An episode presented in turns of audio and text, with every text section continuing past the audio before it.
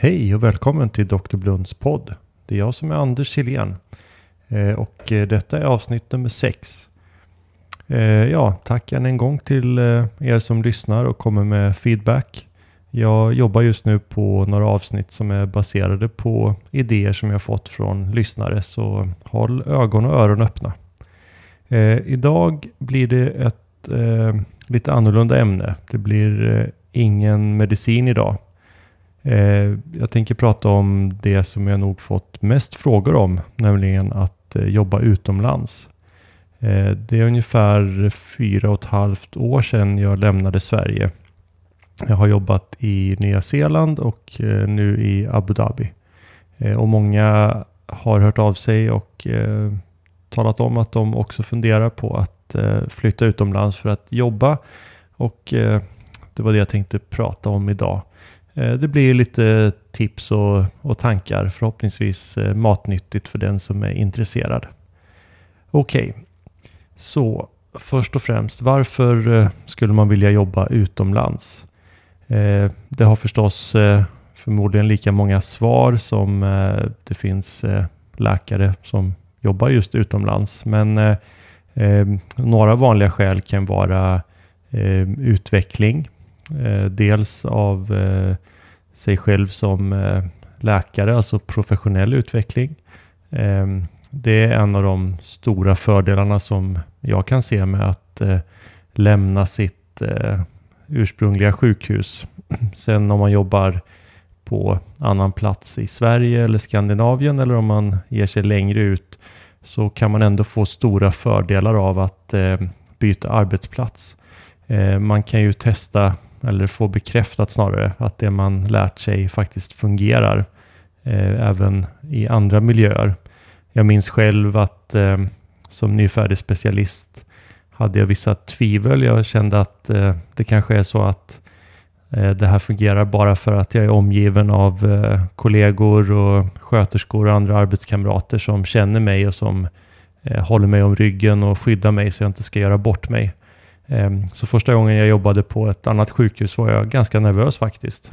Men eh, jag måste säga att eh, det är någonting jag rekommenderar varmt. Eh, att åtminstone för en kortare period arbeta självständigt på ett annat sjukhus och testa sina kunskaper och få se andra sätt att göra saker på.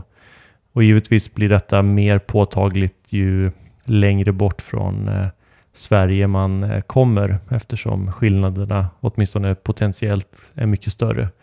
Ehm, man eh, utvecklar också sin förmåga att eh, kommunicera med patienter och medarbetare. Troligen på ett annat språk än sitt modersmål, vilket också är en utveckling. Ehm, och det där glider då in på en annan aspekt av utveckling, nämligen den rent personliga utvecklingen man kan lära sig eller förbättra eh, sina kunskaper i ett annat språk. Man lär sig mer om eh, andra kulturer och man lär sig att fungera i ett eh, samhälle som är uppbyggt annorlunda än det man kanske är van vid. Ehm, har man sedan familjen med sig så eh, kan man också förvänta sig att eh, banden inom familjen stärks och eh, att även de andra familjemedlemmarna tar del av eh, många av de här fördelarna. Språk, kultur eh, och eh, annat man kan lära sig. Eh, givetvis kan omväxling vara ett skäl till att jobba utomlands. Att man helt enkelt vill se ett nytt land. Vi har ju en ganska unik möjlighet på så sätt att vi har utbildningar som är värdefulla även utomlands och man kanske inte skulle ha råd att eh, bo utomlands i några år bara för att eh, uppleva ett annat land. Men om man kan jobba istället så eh, kan man åtminstone finansiera sina resor på så vis. Eh, det är också så när det gäller resor att flyttar man utomlands så blir det ju andra resmål som blir eh, nära tillgängliga. Eh, bor man till exempel som jag just nu i Mellanöstern så är det genast mycket enklare och billigare att resa till många platser i eh, Asien och Afrika till exempel som är ganska avlägsna och eh, dyra att resa till från Sverige. Ett eh, ytterligare skäl att jobba utomlands kan ju vara att man vill jobba med en hjälporganisation av rent humanitära skäl. Och det är ju ett väldigt föredömligt skäl. Eh, då är det ofta svårare att ta med sig familjen förstås, men eh, det kan vara mycket utvecklande. Eh, det har jag själv inte gjort, men de som jag känner som har jobbat ideellt eller för hjälporganisationer utomlands har vittnat om att det är väldigt belönande. Så vad just ditt skäl är för att jobba utomlands vet jag inte, men det där var några av dem som, som jag kan tänka på. Så ehm, om man nu har tänkt att man ska jobba utomlands eh, så är ju frågan hur man ska gå tillväga.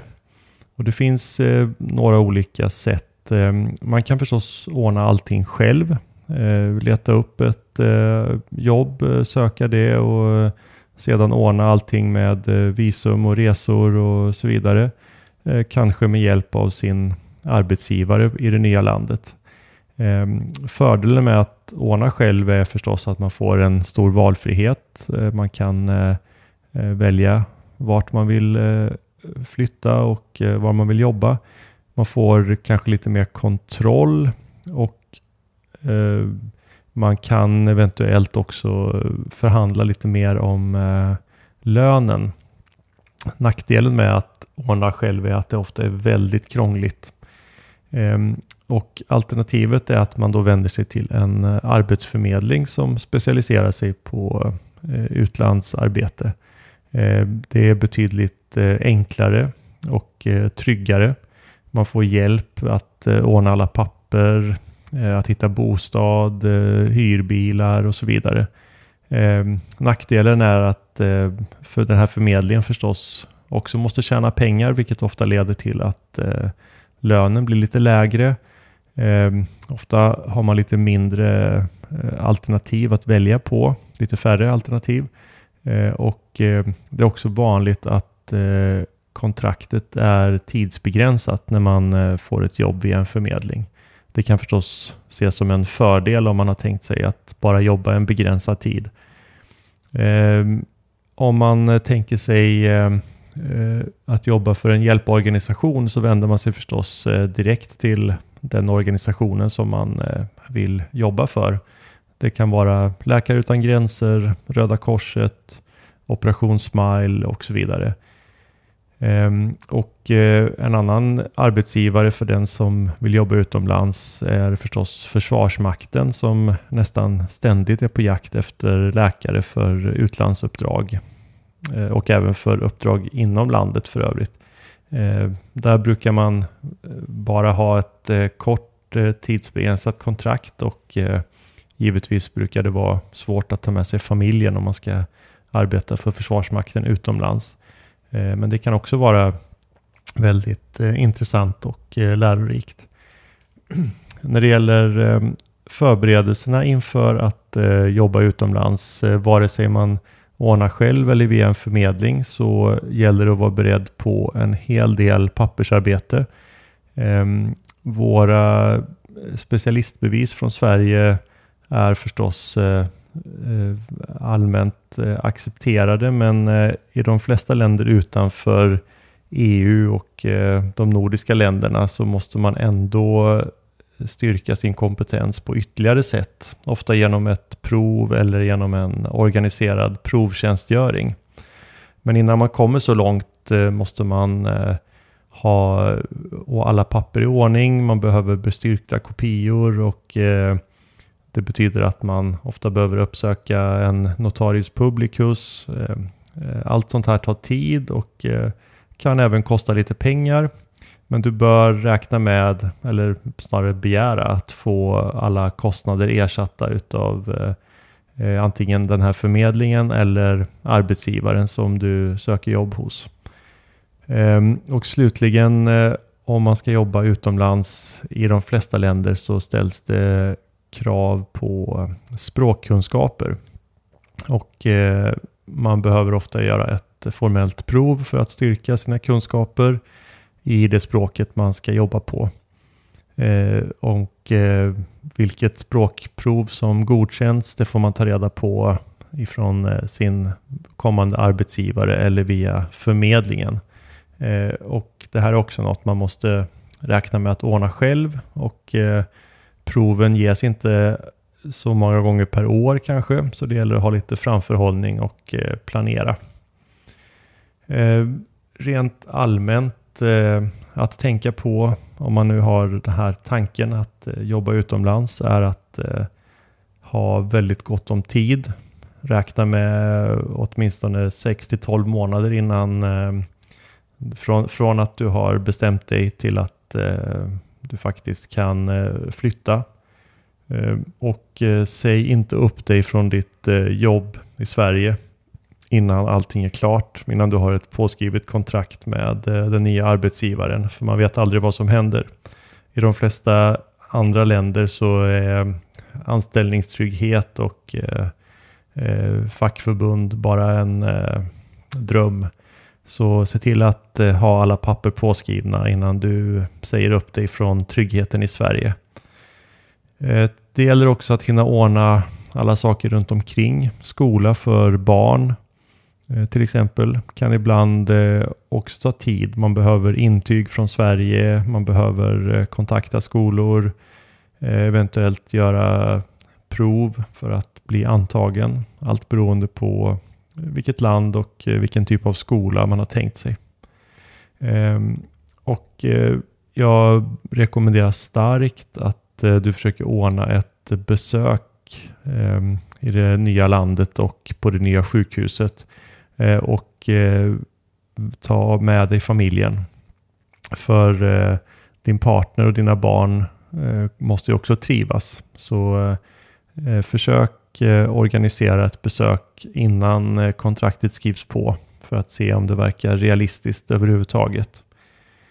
Ehm, och jag skulle också vilja varna för att det faktiskt förekommer en del bluffar med oseriösa rekryterare som eh, eh, försöker lura till sig pengar genom att lova lönsamma jobb i utlandet. Eh, och oftast så förväntas man då betala till exempel för eh, visum, resor med mera och eh, de lovar att man ska få tillbaka alla pengar när man kommer på plats. Vi har faktiskt haft personer som har kommit till mitt sjukhus där jag nu jobbar med ett anställningsavtal i handen som var helt falskt. Eh, de har alltså betalat eh, en resa och ett visum eh, i tron att de ska få ett jobb och kommer fram och det finns inget jobb. Så se upp för det här och rent allmänt kan jag säga att om någon vill ha betalt av dig i förväg för att ordna ett visum eller en resa till ditt jobb så är det med största säkerhet en bluff.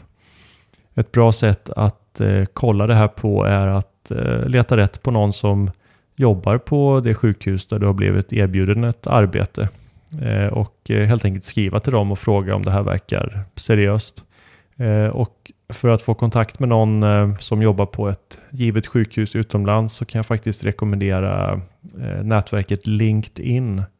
Eh, personligen har jag inte haft mycket användning av det men eh, eh, två eller tre kollegor har hört av sig till mig via LinkedIn för att avslöja just den här typen av bluffar. Det kan förstås också vara bra om man vill ha tips på var man kan jobba. Ehm, så sammanfattningsvis så kan jag varmt rekommendera att röra på sig. Ehm, det är väldigt utvecklande både för eh, personen och eh, professionen. Eh, men se till att ha god tid på dig och se upp för bluffrekryterare. I inlägget som hör till det här avsnittet kommer jag att lägga ut några länkar, bland annat till en artikel som jag själv skrev i Läkartidningen för något år sedan om hur det är att arbeta i Abu Dhabi. Eh, det fanns nyligen också en artikel från en kollega som jobbade i England som beskriver ganska väl hur, hur hon upplevde det. Och eh, Läkarförbundet har en sida med lite resurser för den som ska jobba utomlands och eh, den kommer jag också länka till där. Eh, ja, det var allt för idag. Ingen medicin som sagt. Det blir det mer av nästa gång. Tack än en gång för att du lyssnar. Eh, du får gärna kommentera på eh, www.doktorblund.se eh, om du lyssnar via iTunes så uppskattar jag om du lämnar ett omdöme och kanske ett betyg. Du kan följa mig på Twitter och Facebook och när du har gjort det så dela med dina vänner så att vi blir fler. Det här är Anders Silén. Hej då!